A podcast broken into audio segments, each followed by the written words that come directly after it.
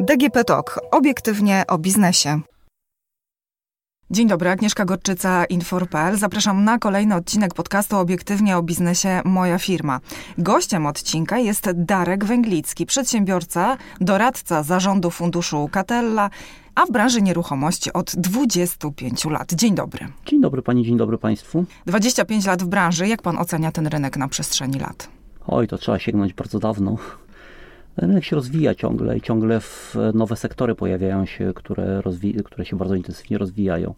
I tak jak kiedyś była moda i bardzo dużo inwestorów inwestowało w centra handlowe, w obiekty handlowe, później nagle okazało się, że biura są bardzo profitable, że tak powiem.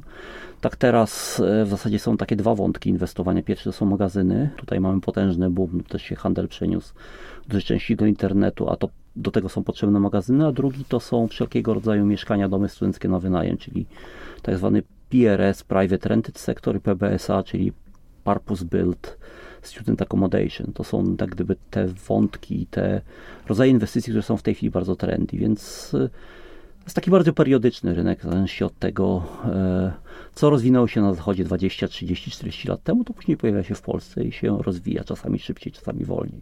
A ze swojej perspektywy zauważa pan, że pandemia trochę tam namieszała, zwłaszcza jeżeli chodzi o rynek wynajmu dla studentów. Uniwersytety przeszły na naukę zdalną. Część uniwersytetów zapowiada, że w takiej nauce hybrydowej pozostanie ponownie od kolejnego roku akademickiego. No, ale i... część wróci. E, no, ale i... będzie to tylko część. No tak, ale w tej chwili e, miejsca w domach studenckich są zagwarantowane w zasadzie za maks dla maksimum 10% spośród miliona 200 tysięcy studentów, więc no, tutaj jest ogromne pole do popisu. Jeśli chodzi o domy studenckie należące do funduszy inwestycyjnych, to jest około 6 tysięcy łóżek w tej chwili, może trochę więcej niż drugie tyle w budowie, więc są ogromne perspektywy. Erasmus wraca powoli. Znaczy my mamy w naszym domu studenckim w Krakowie mamy w tej chwili kilkadziesiąt re rezerwacji e, od studentów z Hiszpanii, którzy postanowili w ramach Erasmusa studiować w Polsce, więc ja się o domy studenckie nie boję, bo po prostu jest e, popyt ogromny, jest dużo osób, które są zainteresowane, nie mają gdzie mieszkać. Poza tym trzeba dodać, że studenci oprócz studiowania pracują. No wiadomo, że łatwiej jest o pracę w Warszawie, Krakowie, Wrocławiu niż w małej miejscowości które siedzą z rodzicami i do tego dochodzi element zmęczenia. Znaczy, ile można siedzieć w domu, tak? Czasami na 40-50 metrach kwadratowych, więc ta niezależność staje się ważna i mamy takie przypadki, że studenci e, uczyli się zdalnie, ale mieszkali u nas. O domy studenckie pan się nie boje? O co pan się boje, jak pan patrzy na rynek e, nieruchomości? Znaczy, boję się oczywiście jakichś potężnych powrotów COVID-u, tak? To jest pierwsza rzecz. Druga rzecz, inwestora dotyka w szczególności to, że ceny rosną, natomiast czynsze najmu spadły w ostatnim czasie, co powoduje, że rentowność tych projektów, mimo tego, że jest dalej w Polsce atrakcyjna, bo to są stopy zwrotu na poziomie 5-5,5%, to jednak ta rentowność delikatnie maleje, więc... No albo wydłuża się w czasie. Albo wydłuża, no w zasadzie się przekłada na to mm -hmm, samo, więc, no. więc... Ale tu mamy jeszcze pole manewru, bo te stopy są circa 2% wyższe niż w krajach Europy Zachodniej, czyli dla funduszy zagranicznych Polska jest dalej atrakcyjna. Jeśli chodzi o polskich inwestorów, no w zasadzie jest bardzo mało inwestorów, którzy inwestują pakietowo w całe budynki, w całe duże budynki. Zwykle są to inwestorzy, którzy kupują pojedyncze mieszkania i ja niestety dostrzegam, no tak rynek krótkiego najmu w zasadzie się delikatnie rzecz załamał w ostatnich miesiącach. Jest powolny powrót, ale powolny. Ci wszyscy, którzy mieli mieszkania na wynajem na krótki termin, przenieśli się na długi termin co spowodowało też pewne zawirowania w wynajmie długoterminowym, czy takim w zasadzie dłuższym niż dwa miesiące. Inwestorzy patrzą na to właśnie, czy zainwestować, nie zainwestować. Inflacja zjada te pieniądze, które mają, więc. Więc coś trudnych, trzeba z nimi tak, robić, tak. tak. Czas trudnych decyzji, -hmm. tak naprawdę. E, no a mając jedno, dwa, trzy mieszkania, tak naprawdę no, można tym zarządzać oczywiście, czy można wziąć firmę specjalistyczną, ale jak się ma cały pakiet, to można jakieś parę fajnych rzeczy dodać do tego pakietu, żeby ten najem był dużo bardziej atrakcyjny. Jak pan przekrojowo patrzy na rynek, to jakie pana zdaniem e, zmiany w prawie czy programy, które były ostatnio wprowadzone, opłaciły się przedsiębiorcom? A może są takie, które się w ogóle nie opłaciły, a mimo to przedsiębiorcy w to zainwestowali, no i niestety nie wyszli na tym korzystnie. Ja myślę, że przede wszystkim, ja może powiem, czego brakuje w Polsce, bo to jest dla mnie najistotniejsze, tak? Znaczy, z punktu widzenia osob, osób indywidualnych to brakuje e, instytucji REIT-ów, czyli e, Real Estate Investment Trustów, czyli osoby, które mają mniej pieniędzy, że mogły zainwestować w sposób e, taki, który budzi to zaufanie. Na te prace trwają od wielu lat i to jest jak gdyby pierwsza kwestia.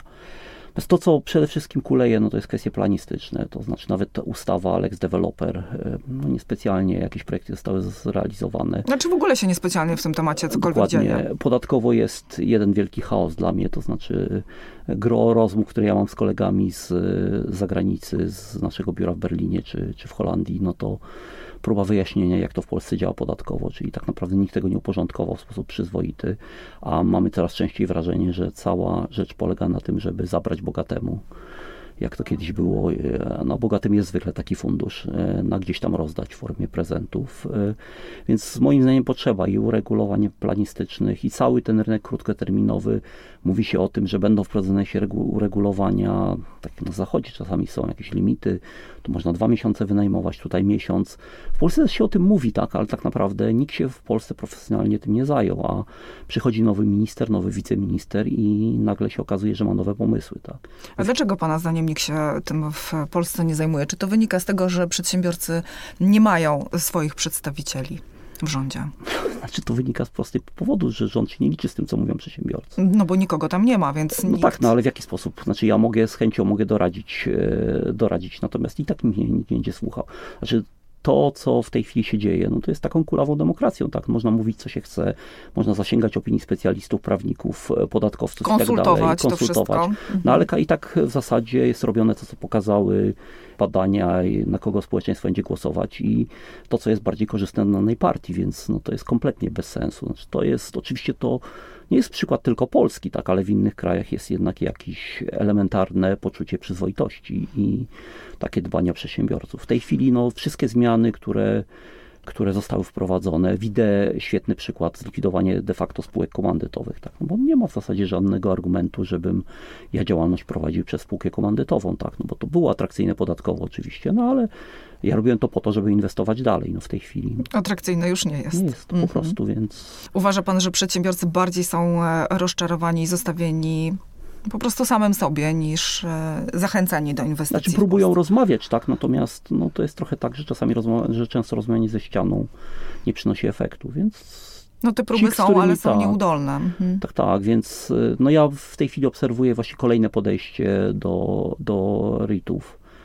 No i znów jest optymista, tak? pojawiała się grupa, znaczy są dwa stowarzyszenia, które się tym zajmują, nawet przed chwilą widziałem się z koleżanką, która je, koordynuje jedno z nich i trwają rozmowy, konsultacje, a za chwilę zacznie się Ministerstwo nie wiem, Rozwoju naparzać z Narodowym Bankiem Polskim, nic z tego nie wyjdzie, tak, no, więc, no bo na koniec dnia, tam nawet być może byłby jakiś interes polityczny, tak, no bo to na koniec dnia, no to społeczeństwo ma dużo pieniędzy, jeżeli dać im fajne instrumenty bezpiecznego inwestowania, tak, to te kilkaset miliardów, przynajmniej część mogła być dziś fajnie zainwestowana przez takich zwykłych, szarych ludzi, których na przykład nie stać na wydanie 300 czy 500 tysięcy na mieszkanie, tak, ale którzy mają 50-100 tysięcy, czyli... I mogą inwestować tak, w mniejszych miejscowościach, tak, tak. czyli poinwestowali w Amber Goldy, czy w jakieś skoki i tak dalej, tak, no, czy trzymali pieniądze w skokach, natomiast y, no, nie mają takiej możliwości, żeby bezpiecznie zainwestować w nieruchomości. Ukazał się raport y, KPMG, który pokazuje, że przez pandemię rynek dóbr luksusowych nieco się załamał, tam niecałe 5% w porównaniu mhm. z zeszłym rokiem. Czy uważa pan, że warto w takie dobra luksusowe, w nieruchomości luksusowe inwestować, dlatego że mimo tego załamania nadal osoby chętne są. Czy to są bezpieczne takie inwestycje? Znaczy, zacznijmy od tego, że mamy dobra luksusowe konsumpcyjne i mamy dobra luksusowe takie inwestycyjne i teraz nieruchomości są typowo inwesty inwestycyjnymi dobrami. Powszechna ocena jest taka, że po pierwsze w Polsce nieruchomości luksusowe są niedoszacowane. Nawet porównując to do, nie wiem, Pragi, stolicy Czech, to są, Praga jest 50% droższa, nie mówiąc o Berlinie, Londynie i tak dalej.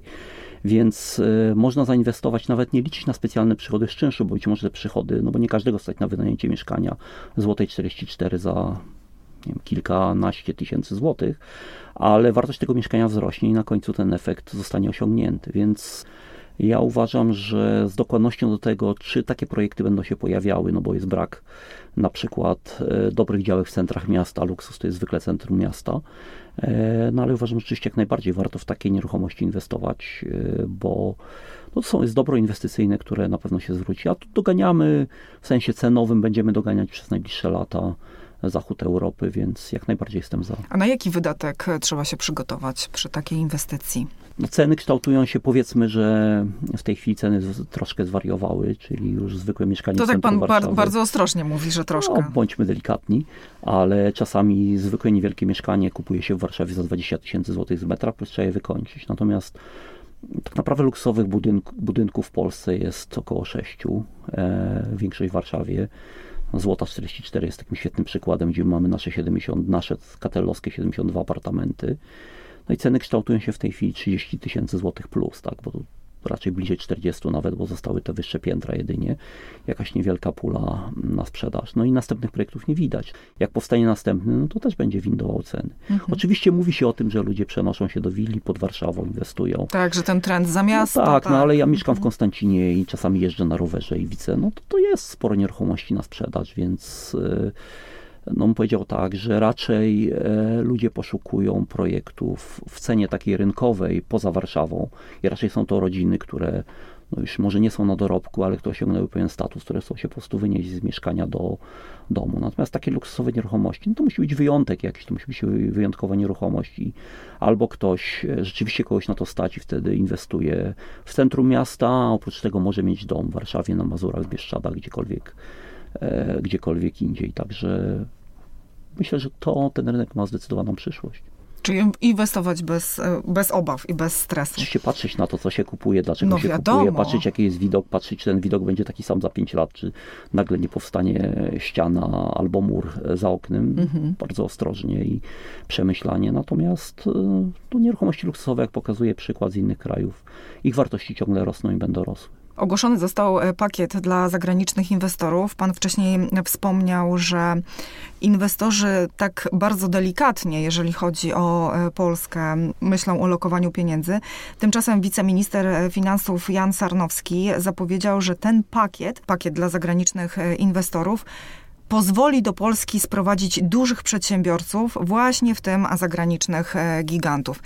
Czy pan się z tym zgadza? Tutaj jest kilka propozycji, jeżeli chodzi o ten pakiet dla zagranicznych e, inwestorów, między innymi mm, możliwość rozliczania jako podatnik VAT czynny, odliczania podatku naliczonego, polska spółka e, holdingowa i tak dalej, i tak.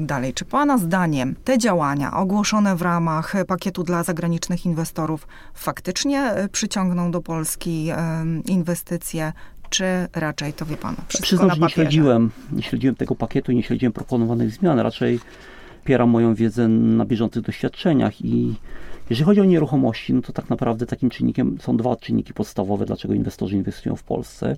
Po pierwsze jest bardzo dużo pieniędzy na świecie, gdzieś te pieniądze trzeba lokować, nawet w krajach, gdzie te inwestycje są w miarę bezpieczne, Polska jest takim krajem i to widać na rynku PRS-u i domów studenckich, gdzie te ilości transakcji rosną i pojawiają się mhm. potężne transakcje.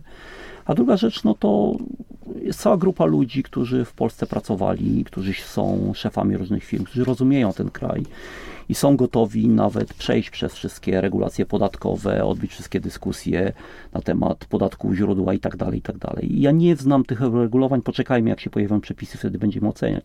Poczekajmy, to... co powiedzą przedsiębiorcy przede wszystkim, jak tak, to wejdzie w tak, życie i z czym to się okaże. Na tą, chwilę, na tą chwilę ja głównie biorę udział w dyskusjach e, tak naprawdę, dlaczego podatki rosną, gdzie one są do, do, do zapłaty i nawet wczoraj miałem takiego długiego kola, gdzie robiliśmy różne analizy, tak. Czy finansowanie w Polsce się opłaca, czy nie opłaca, dlaczego toczymy boje, żeby odzyskać jakiś tam VAT i nam zajmuje to bardzo długo, dlaczego toczymy boje i dlaczego e, niektórzy twierdzą, że stawka podatku źródła powinna być większa niż 5% i tak dalej, więc znaczy ja niestety postrzegam, mimo tego, że czasami moi niemieccy koledzy mówią, że Niemcy są bardziej skomplikowane, na przykład mhm. w procedurach uzyskiwania pozwoleń na budowę, Natomiast, Bardziej skomplikowane niż Polska, no tak? No tak, mhm. natomiast no powiedzmy, że tam już wiele wybudowano, tak, już mhm. tyle nie muszą budować. Natomiast w Polsce to jest duża dowolność i interpretacyjna, jest też, powiedziałbym, taka chęć interpretowania tego, co przyszło z góry, tak, to, to, to mamy jak gdyby mentalnie zakorzenione i no, inwestor nie jest, nie jest partnerem tylko trzeba bardzo często jest tym, od którego trzeba wyrwać pieniądze. I to trochę jak e, słucham relacji na przykład z Holandii, no to tam ten kontakt z urzędem skarbowym jest dużo prostszy i, i dużo łatwiej, dużo łatwiej e, można się komunikować. No a były programy, właściwie nadal są, tak? Administracja bardziej przyjazna patentowi, a pan się uśmiecha. No cóż, prosta sprawa, nie wiem, zarejestrowanie samochodu w niektórych dzielnicach. Mówię akurat tutaj o, o mieście, czy uzyskanie prostego dokumentu w Urzędzie Stanu Cywilnego e, wymaga kilku tygodni. Mówię o pozwoleniach na budowę. Mhm. Miałem dzisiaj rano rozmowę z moim przyjacielem i wspólnikiem, dosyć znanym architektem, który powiedział tak, no pozwolenie na budowę jest dramat, bo urzędy działają powoli, natomiast łatwiej jest z pozwoleniem na użytkowanie, jak się okazało, budynków, no bo budynek jest wybudowany i jakoś to się odbywa szybciej. Tak? Natomiast pozwolenie na budowę, te okresy wydawania pozwoleń, ci niezbędne wydania pozwoleń się zdecydowanie wydłużyły. A co pan myśli e, o propozycji e, rządu w ramach nowego polskiego ładu a propos e, mieszkań, domów do 70 metrów kwadratowych? Bo przedsiębiorcy podnoszą, że to będzie jakaś patologia deweloperska. Ja myślę, że powinien się znaleźć ktoś, kto zrobi przyzwoity program i porządkuje wszelkie kwestie związane z prawem budowlanym że to prawo będzie stabilne. Myślę, że budowanie się domów bez pozwolenia nie jest najlepszym rozwiązaniem. Będzie chaos, chaos przestrzenny, tak? Nagle w różnych dziwnych miejscach pojawią się najmniej, najmniej oczekiwanych miejscach budynki. No, wszyscy widzieli te reportaże z nadmorza, gdzie pojawiły się szeregówki. Ja byłem teraz e, 10 dni temu w Bieszczadach widziałem, jak to się wszystko rozwija. Widziałem, że często powstają różne dziwne wozy drzymałe na kółkach, więc będą wozy drzymałe nie o 35 metrów, tylko o 70 metrów, albo już nawet nie wozy drzymałe, będzie można zbudować legalnie. E, normalny budynek. Normalny mhm. budynek, tak, więc... A czy uważa pan, że 100 tysięcy na taki budynek, jeżeli chodzi o wystawienie go, tak, od podstaw, to jest to kwota realna? Ja myślę, że kiedyś e, partia obecnie rządząca chciała budować w ramach swojego programu mieszkania poniżej 2000 zł z metra, co było kompletnym absurdem. Tak e, jak w tej chwili e, wybudowanie metra kwadratowego to jest 4-5 e, tysięcy, zależy od, od, od układu, a czasami 6 tysięcy złotych, więc no to jest po prostu lekki absurd. Jeżeli ktoś mówi, że może to wybrać za 100 tysięcy złotych, to znaczy, że nie ma nawet system gospodarczy, nie ma bladego pojęcia o budowaniu, a nawet jestem w trakcie w tej chwili rozmów z firmą, która buduje budynki tak zwane modułowe i tak naprawdę pod klucz, czyli można nawet zamówić sobie z umeblowaniem i nagle się okazuje, że to jest jeszcze droższe, czyli zamiast 4-5 tysięcy mamy 7-8 tysięcy. Więc y, no bądźmy realistami, tak, ceny materiałów poszły do góry. Robocizna tak Robocizna samo. poszła, robotników jest coraz mniej, firmy tak. budowlane też muszą zarabiać, przecznik społeczny. A też zamówień mają mnóstwo, więc no, nie, więc, nie wezmą więcej niż tak. moce przerobowe. Znaczy, mam takie poczucie, że jeżeli chodzi o całą sferę budownictwa, prawa budowlanego, to nikt tego nie ogarniał i tego nie ogarnia i nie widzę specjalnie e, ochoty, żeby ktokolwiek zaczął to ogarniać w taki sposób, żeby zadowolone było i państwo i zadowoleni byli przedsiębiorcy. Dziękuję serdecznie za rozmowę. Gościem podcastu był Darek Węglicki, doradca zarządu funduszu Catella i przedsiębiorca. Dodam tylko, że w branży nieruchomości od 25 lat, czyli właściwie wszystko o tej Since branży. Można tak powiedzieć. Dziękuję bardzo. Dziękuję Miło za rozmowę. Podcast realizowała Dorota Żurkowska. Dziękuję i słyszymy się za tydzień.